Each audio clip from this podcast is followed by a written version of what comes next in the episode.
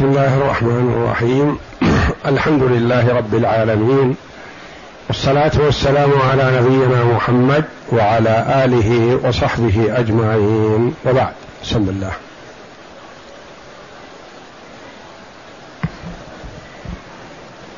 بسم الله الرحمن الرحيم. والصلاة والسلام على نبينا محمد وعلى آله وصحبه وسلم. قال الناظم رحمه الله فصل والجد مثل الأب عند فقده في حوزه ما يصيبه في حوز في حوز في حوز ما يصيبه ومده إلا إذا كانا هناك إخوة لكونهم في القرب وهو أسوة أو أبوان معهما زوج ورث فالأم للثلث مع الجد ترث.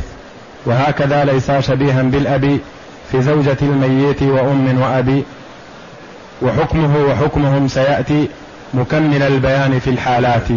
مكمل البيان مكمل. مكمل البيان في الحالات. يقول الناظم رحمه الله تعالى والجد مثل الأب عند فقده في حوز ما يصيبه ومده. إلا إذا كان هناك إخوة لكونهم في القرب وهو إسوة.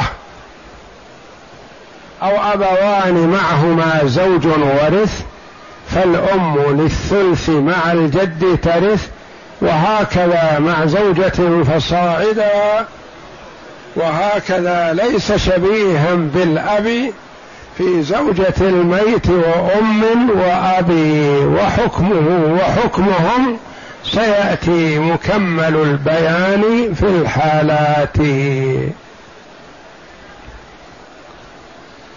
في هذه الأبيات يبين الناظم رحمه الله تعالى أن الجد يأخذ السدس مثل ما يأخذه الأب. فالأب قلنا يأخذ السدس متى؟ مع ولد الميت أو ولد ولده أو ولد بنيه. ولده أو ولد بنيه. قال هنا والجد مثل الأب عند فقده. فالجد يأخذ السدس بشرط عدمي وهو عدم الفرع بعدم عدم الاب. وشرط وجودي وهو وجود الفرع الوارث. ثم إن كان هذا الفرع الوارث ذكور أو ذكور وإناث فليس له إلا السدس. وإن كان الفرع الوارث اناث أخذ أصحاب الفروض فرضهم وأخذ معهم السدس ثم يأخذ ما أبقت الفروض. فيقول إن الجد مثل الأب إلا في ثلاث حالات. إلا في ثلاث حالات. الأولى إلا إذا كان هناك إخوة لكونهم في القرب وهو أسوة. الأب مع وجود الإخوة ما يتغير نصيبه. يأخذ ما ابقت الفروض ويأخذ السدس مع الفرع الوارث. يأخذ السدس مع الفرع الوارث الذكور ويأخذ السدس وما أبقت الفروض مع عدم الفرع الوارث أو وجود فرع وارث إناث.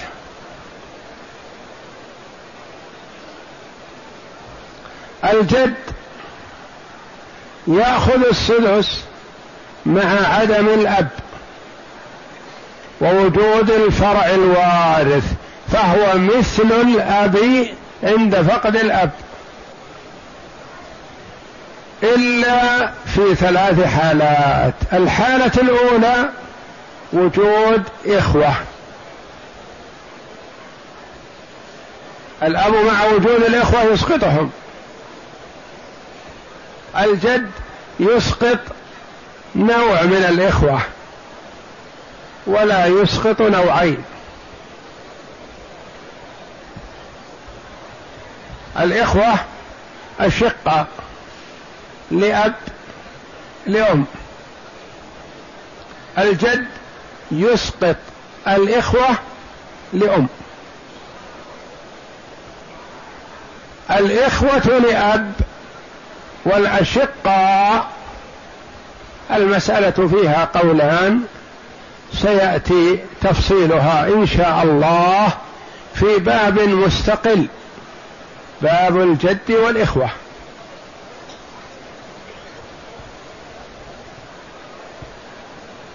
فهو ليس كالأب في مثل هذه الحال إذا وجد إخوة أشقاء أو إخوة لأب. وسيأتي الكلام على هذا وعد رحمه الله ووفى بوعده. وهكذا ليس شبيها بالأب. في زوجة الميت وأم وأب أو أبوان معهما زوج ورث فالأم للثلث مع الجد ترث. الغراوان أو الغريمتان.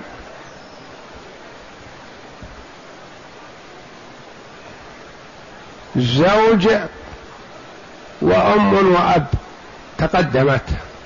زوجة وأم وأب تقدمت. إذا وضعنا بدل الأب جد زوجة وأم وجد. زوجية زوج وأم وجد. فالجد في هاتين الحالتين ليس كالأب. بل يأخذ السدس ولا يحجب الأم من السدس إلى من الثلث إلى السدس بل تأخذ الأم الثلث كامل وما بقي يكون للجد. إن بقي أكثر من الثلث من السدس أخذه وإن لم يبق إلا السدس فليس له إلا هو. لأن الأب مع الأم مع أحد الزوجين يمنع الأب يمنع الأب الأم من أن تأخذ الثلث لأنه يجحم بحقه. فتأخذ الأم ثلث الباقي ويكون الباقي للأب. مع الجد تأخذ الأم الثلث كاملا الزوج أو الزوجة يأخذان نصيبهما ثم تأخذ الأم الثلث وما بقي للجد. سواء بقي السدس أو أكثر من السدس. ولهذا قال أو أبوان معهما زوج ورث فالأم للثلث مع الجد لا مع الأب مع الجد ترث تأخذ الثلث كاملا. وهكذا ليس شبيها بالأب في زوجة الميت وأم وأبي في زوجة أو زوجتان أو ثلاث أو أربع.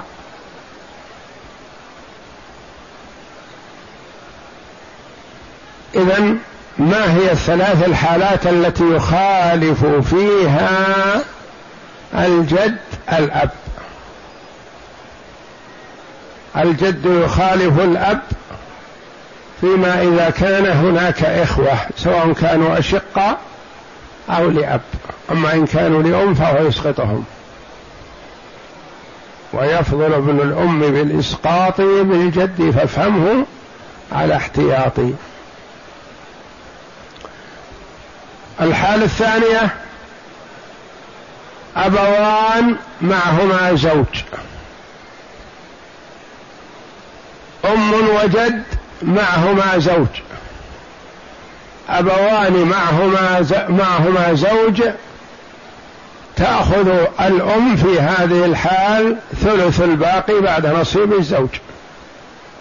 ويأخذ الأب ما بقي. الجد بدل الأب في هذه الحالة تأخذ الأم الثلث كاملا وما بقي وهو السدس يكون للجد لأن الزوج سيأخذ النصف وتأخذ الأم الثلث اثنان ويبقى واحد هو نصيب الجد الذي هو السدس ولا ينقص عنه إلا في العون.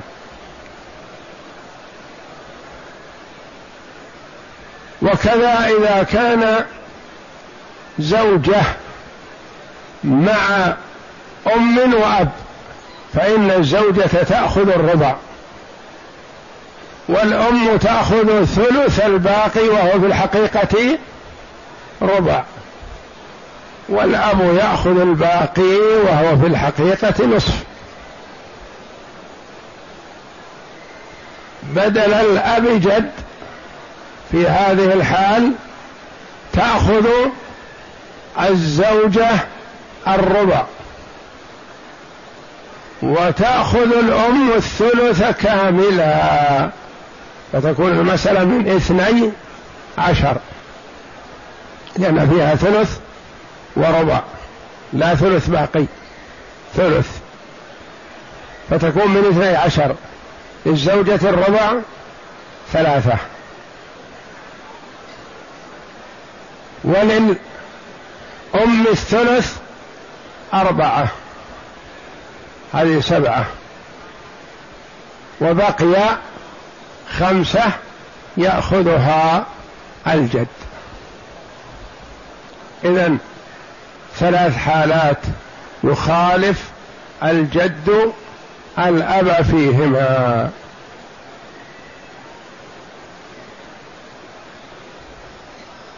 الجد مع الإخوة الجد مع الزوج الجد مع الزوجة.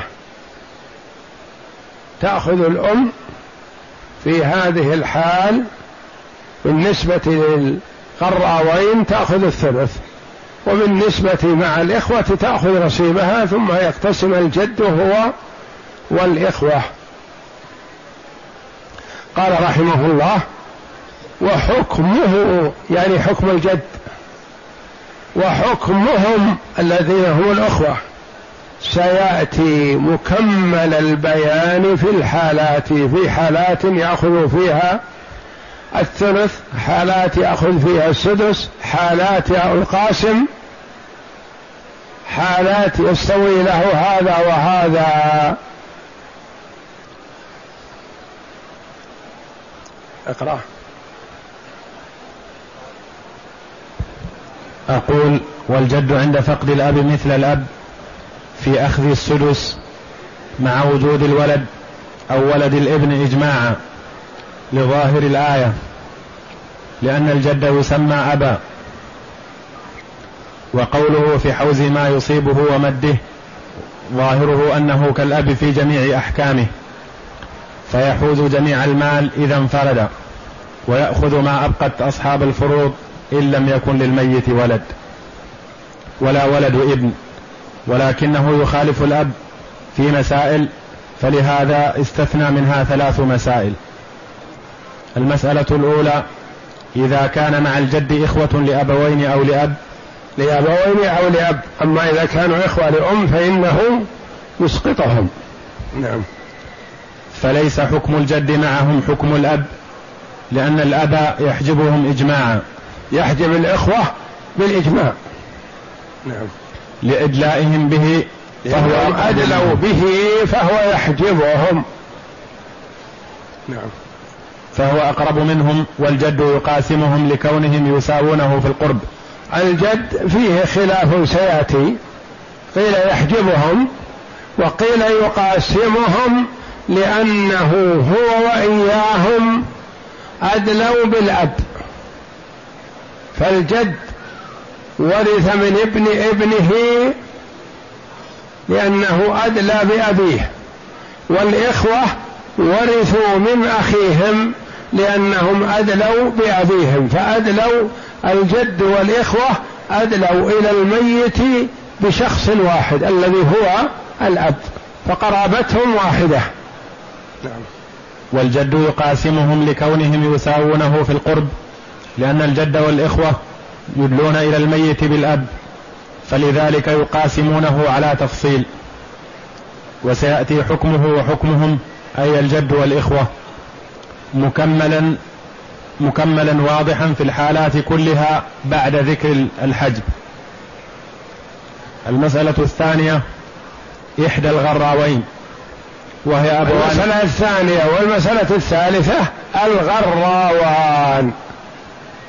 يعني يخالف الجد الأب في الغراوين والغراوان معروفة هي أبوان معهما زوج أبوان معهما زوجة.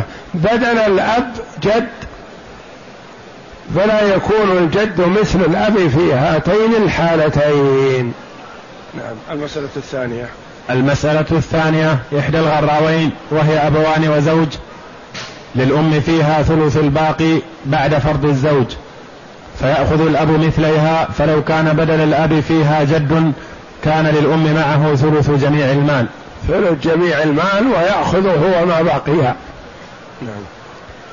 المسألة الثالثة ثانية الغراوين وهي أبوان وزوجة فأكثر. زوجة فأكثر لأن الزوجة تتعدد زوجتان ثلاث زوجات أربع زوجات. نعم. للأم فيها أيضا ثلث الباقي بعد ربع الزوجة فلو كان فيها بدل الأب جد كان للأم معه ثلث الجميع أيضا.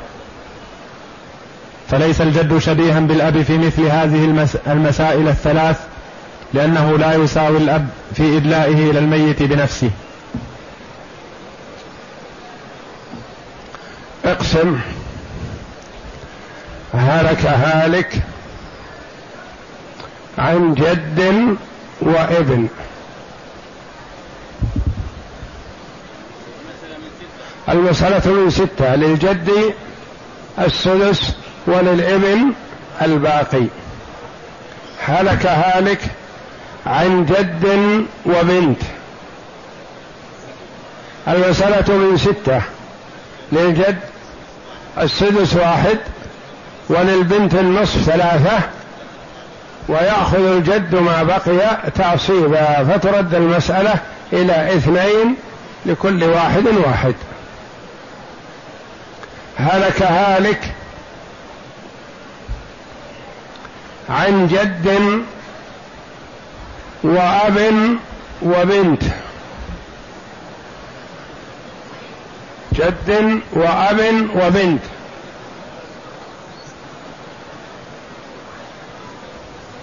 المسألة من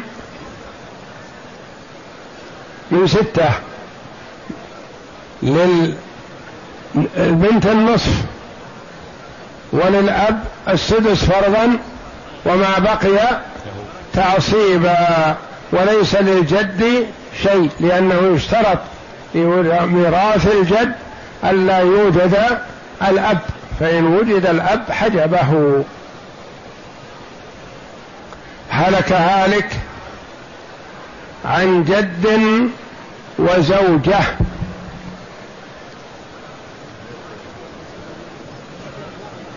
المسألة من أربعة للزوجة الربع واحد والباقي للجد تعصيبا وليس له فرض في هذه الحال لأنه ما وجد معه فرع وارث يفرض له في وجود الفرع الوارث. هلك هالك عن أم وجد.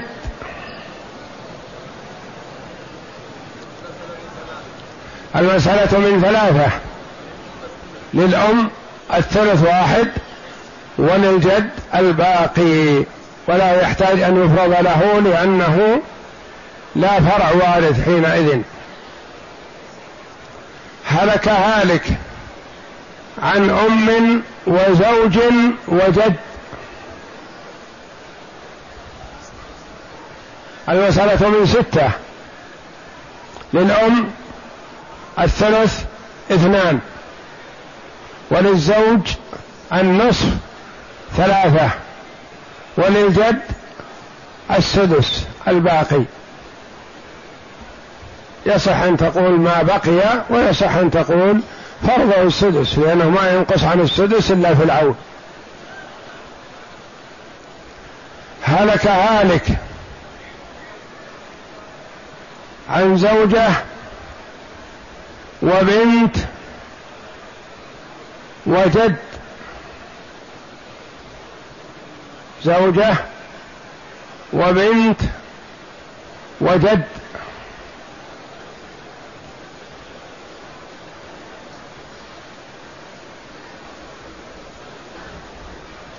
زوجة صاحبة ثمن وبنت صاحبة نصف وجد تقول من أربعة وعشرين للزوجة الثمن ثلاثة وللبنت النصف ستة عشر.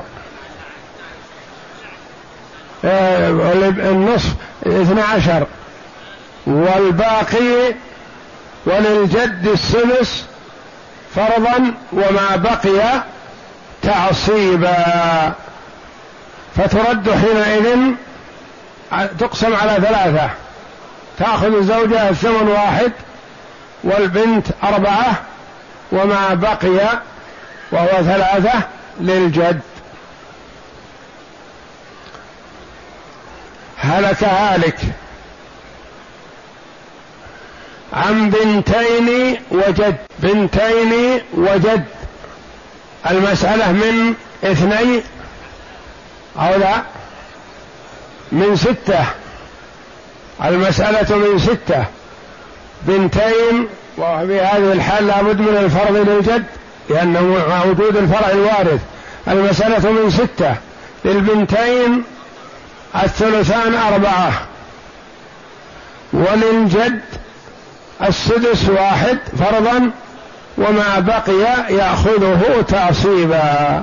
فترد المسألة إلى ثلاثة فيكون للبنتين اثنان وللجد واحد. هلك هالك عن أم وجد.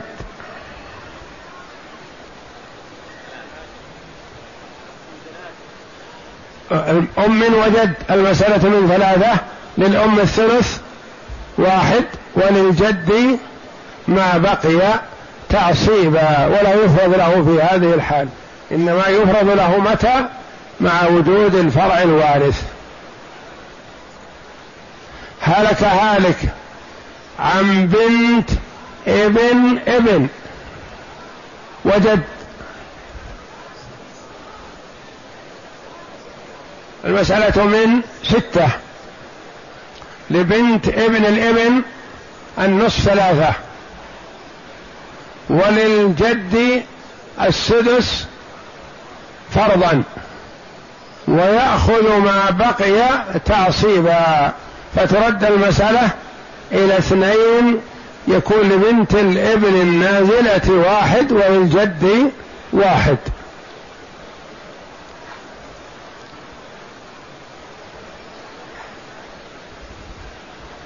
هلك هالك.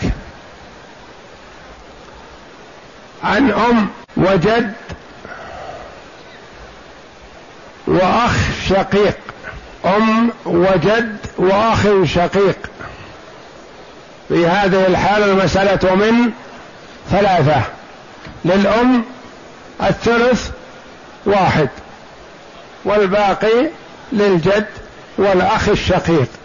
واجتماعهم لا يحجبون الأمة من الثلث إلى السدس وإنما يحجبها الجمع من الإخوة. والجد والأخ اثنان ما يحجبان الأم من الثلث إلى السدس وإنما تأخذ الثلث. أخذت الثلث وبقي ثلثان للجد والإخوة يقتسمون في باب الجد والإخوة. تؤجل حتى نصل هناك إن شاء الله.